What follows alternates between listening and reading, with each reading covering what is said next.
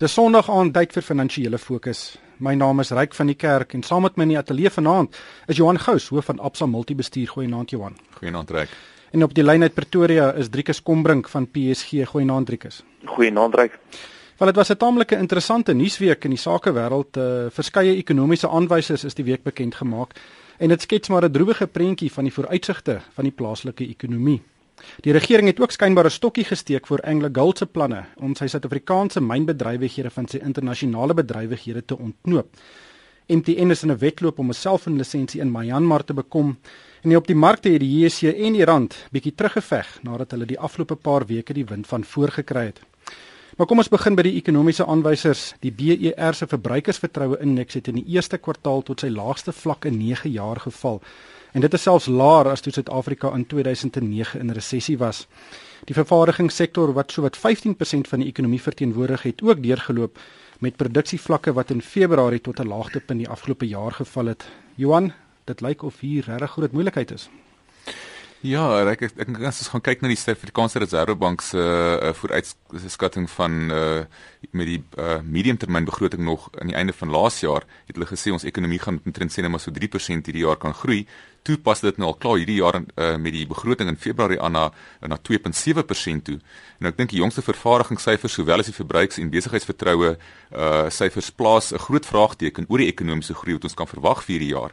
Die Suid-Afrikaanse verbruiker is ook uh, in 'n baie moeilike situasie weens die stygende lewenskoste en die feit dat daar steeds hoë skuldvlakke is al is rentekoerse op 'n historiese lae vlak. Ehm um, en huishoudings moet uh, nou moet eintlik nou die lae rentekoerse omgewing gebruik om hulle balansstate eintlik te verbeter deur skuld af te los. En ek dink die mees onlangse syfer van die st statistiek Suid-Afrika wys vir ons dat omtrent 46% van die 20 miljoen aktiewe skuldverbruikers het 'n slegte kredietrekord. Dit beteken dat hulle omtrent 3 maande of meer agter is. En ek dink dan net uit 'n wyeer perspektief lyk dit ook dan of uh, groei in VS aan Europa eintlik ook traagheid op ons ekonomie gaan gaan uh, impakteer. So wat jy sê is dat die helfte van die mense wat krediet het in Suid-Afrika het 'n swak kredietrekord. Ja, dit is eintlik waar dit neerkom. So hulle is in terme van die skuld wat hulle het, is hulle op 3 maande of meer agter in terme van die paemente. So enige rentekoersverhoging kan 'n dramatiese effek hê op die verbruikersvertroue. Ryk, ek dink dis een van die grootste gevare op die oomblik en gelukkig lyk nie of daar of daar 'n moontlikheid is van uh verhoging in die nabye toekoms nie. Ons sal natuurlik inflasie moet dop, maar dit sal absoluut 'n onmiddellike impak hê op die kontantvloei van huishoudings. Driekers, wat dink jy? Man, ongeag die verbruikers onder verskriklike druk, ons moet verstaan waar vandaan kom. Eerstens, uh, die verbruiker het 'n verskriklike partytjie tydperk agter die rug die laaste 10 jaar. Ons rentekoers het geval 10 jaar gelede 2002 van 25% af na 8.5% waar die koers vandag staan. 'n Geweldige impak op op op jou uh, beursie op die einde van die dag en dan wat die laaste paar jaar gebeur het Ehm um, ons het ook ons skuldvlakke as persentasie van BBP van 36%, privaat skuldvlakke, verbruikerskuldvlak van 36% van BBP laat styg tot amper 80%. Toe dit het hier in die resessie van 2008-2009 bietjie verlangsaam, maar wat intussen gebeur het dat uh, die Suid-Afrikaner weer begin uh, ekstra skuld maak. Ons staan op die oomblik op 76% van BBP en baie van die laaste stygings ons moet besef daai mandjie van die skuld het verander. Dis nie verbandlenings nie. Uh, dit is nie goeie skuld nie, dis nie noodwendig besige skuld wat wat wat uitgereik is die laaste 3 jaar nie. Dit is ongesekerde krediet wat uitgereik het. 'n Baie gevaarliker en 'n baie duurder krediet. So die mandjie van van die Suid-Afrikaanse skuld het nie net gegroei nie, maar die komposisie daarvan baie gevaarliker geword. Uh, om te dink daaraan ons ons ons ehm um, uh, kredietverlening laas jaar of die mikro uh kredietverlening, die ongesekerde krediet het met 36% gestyg laas jaar. Nou is die 36% styg hierdie jaar net hierdie jaar weer moet 36% terugbetaal word uh of of weer geleen word net om daai basis te handhaaf. Uh so ongeag van van wat met uh, met besteedbare inkomste gaan gebeur, die die skuldvlakke op hierdie oomblik delf in daai besteedbare inkomste vlakke in. Eh, Driekus, as jy nou die ekonomie nou moet beskryf, die gesondheid van die ekonomie. Ons weet die ekonomie is in die hospitaal, maar as hy in die noodgevalle afdeling is, hy in die hoë sorg afdeling of is hy in 'n algemene saal? Hoe sal jy dit in 'n internasionale perspektief beskryf? Wel, of ons in 'n resessie ingegaan of nie, kan ek jy sê dit lyk nie op die oomblik so nie. Lyk steeds of daar ekonomiese groei is. Die verbruiker gaan nog steeds 'n groei toon in inkomste. Die vraag is net tot watter mate toe gaan daai inkomste gevaar gestel word ehm um, uit die perspektief uit van die skuld wat al reeds aangegaan het. En tweedens is daar 'n paar goed hierdie jaar wat kan gebeur wat weer inkoming in gevaar kan stel. Ons dink spesifiek aan die stakings, ons dink aan Eskom, ons dink aan die rand wat wat baie kwesbaar is. Ons het gesien gedurende hierdie jaar as die rand vinnig sou gly dan het die Reserwebank nie dalk 'n ander keuse as om rentekoerse te laat styg nie. So ek dink daar's steeds 'n stygende inkomste, ons is steeds 'n ontwikkelende mark, daar's baie geleentheid.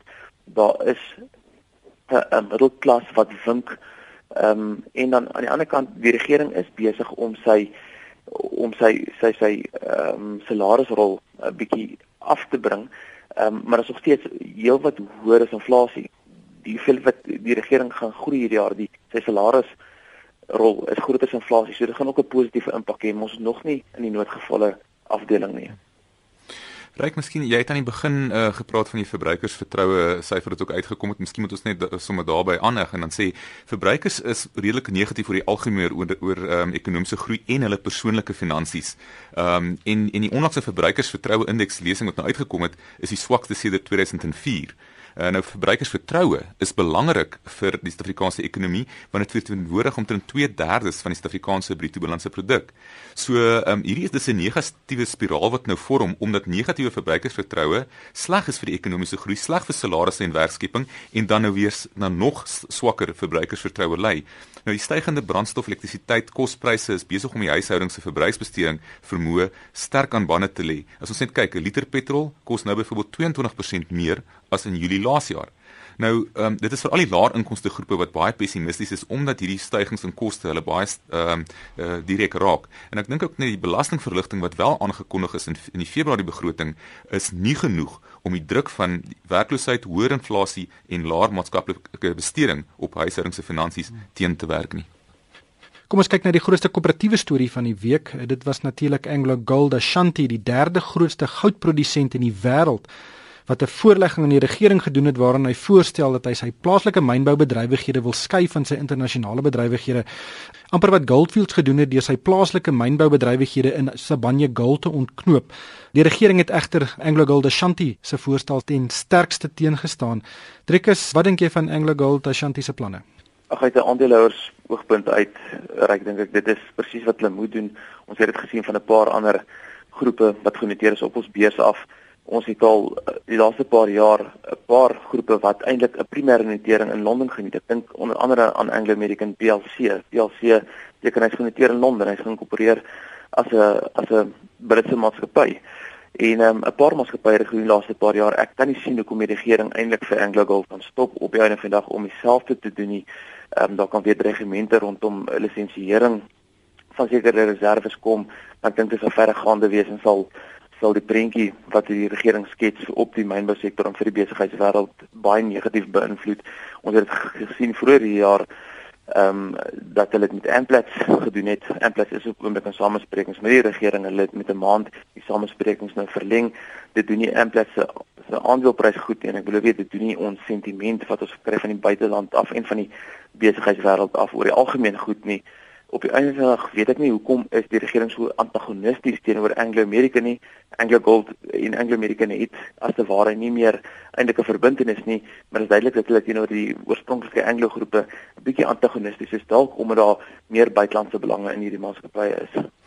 Johan MTN, dis 'n aandeel waarvan ek hou. MTN is op die kortlys om 'n selfoonlisensie in Myanmar te kry. Uh, die kortlys bevat 12 netwerke wat vir twee lisensies meeding en dis nadat sowat 90 maatskappye aanvanklik belangstelling getoon het. Nou Myanmar is die laaste groot mark in die wêreld waar daar nog nie werklik selfone is nie. Die selfoonpenetrasie is daar is net 5%. So hierdie is 'n die laaste groot geleentheid vir 'n netwerk om 'n wesenlike markleiersposisie in te neem nadat die lisensie toegeken is. Uh, wat dink jy van van hierdie ontwikkeling? Ja, ek dink reik uh, MTN ehm um, uh, gaan nou kyk na hierdie tender via sy filiaal uh, van MTN Dubai. En um, ek dink hulle het 'n baie baie goeie kans om om om heel moontlik een van daai lisensies te kry. Ehm um, MTN is al klaar betrokke in 22 lande en en hulle het die nodige ervaring om so tender suksesvol na te volg en die belangrike ding is so is dat MTN spesifiek in opkomende markte al baie baie goeie ervaring opgedoen het. En MTN het ook reeds strategiese verhoudings met telekommunikasieverskaffers in Myanmar. Ehm um, so hulle is baie goed geposisioneer as 'n moontlike kandidaat vir so 'n lisensie. Die uitvoerende hoof Safiso Dabenga het ook hierdie week gesê hulle het omtrent 70 miljard rand wat hulle wil bestee ook aan miskien 'n bykomende oorname. MTN was een van daai maatskappye wat 'n paar jaar gelede bykans maandeliks weer transaksies gedoen het. Dit lyk asof die eh, die gorfgeskit nou uitkom. MTN wil nou weer met bietjie van 'n oorname momentum begin. Ja, ek dink eh uh, daar is uh, dit is dit is maar nodig vir maatskappye om al in hierdie onsekere omstandighede nog steeds uh, waar daar geleenthede is vir vir groei ehm um, na te volg. Ek dink in baie van die markte vind jy dat uh, daar's nog steeds baie geleentheid vir groei in daai markte en soos wat verbruikers uh, getalle toeneem, maar dit dit wil nie sê jy moenie na nog ander geleenthede gaan kyk in ander dele van die wêreld uh, waar daar waar jy dan 'n breër basis kan skep om daai groei in verbruikers dan ook te kan voordeel uittrek nie. Hmm. Trikus die JSE het hierdie week bietjie sy kop opgetel nadat dit bietjie deurgeloop het die afgelope paar weke. Wat het jy gedink van die beurse vertoning? Wel op die einde van die dag uh, reik ons moet verstaan dat dat die beurs baie goed gedoen het vir 'n lang ruk. Ons moet besef dat daar seker sektore is wat baie duur is. Maar wat wat interessant is, die laaste paar weke die sektore wat die swaarste gekry het, juist die sektore wat as goedkoop beskou kan word. Ons praat nou spesifiek van die hulpbron sektor. Uh spesifiek ook die goudsektor swaar gekry want hierdie week want het ons geleer uit die Federale Reserve uit uit hulle uit hulle minute uit dat hulle al dink daaraan om teen einde van die jaar hulle hulle sogenaamde openmark operasies die sogenaamde QE ehm um, aan bande te lê en dit sal baie negatief wees vir die goudpryse. Goudbul hou van van ehm um, baie monetêre inspuiting en hoë inflasie, jy weet en, en dit sal baie negatief wees vir die goudsektor. Ons praat net van die goudsektor wat al klaar van AngloGold al klaar moeilikhede verduur. Eh, 'n uh, Laer dollar goudpryse is die laaste ding wat hulle op die oomblik nodig het en dit die vrees is gereflekteer hierdie week op ons beurs dan wat die hulpbronne aanbetref een van die dae wat hulle baie sterk op was hierdie week was nadat Investec een van ons groot makelaars eintlik in in Suid-Afrika ehm um, beide Fixaro Kumba Anglo American en 'n ander rolspeler ook ek dink dit was 'n sorg geweest opgradeer het. Almal is groot yserersprodusente ons weet dat die ysererprys baie onder druk was aan die einde van laas jaar teruggekom het tot omtrent 150 dollar en die laaste paar weke teruggeval het na 130 dollar ehm um, wat natuurlik swaar negatief geweeg het teen hierdie produsente maar dit lyk of hy stabiliseer het vir die oomblik en Investec het hierdie maatskappy opgeleer almal na koop toe.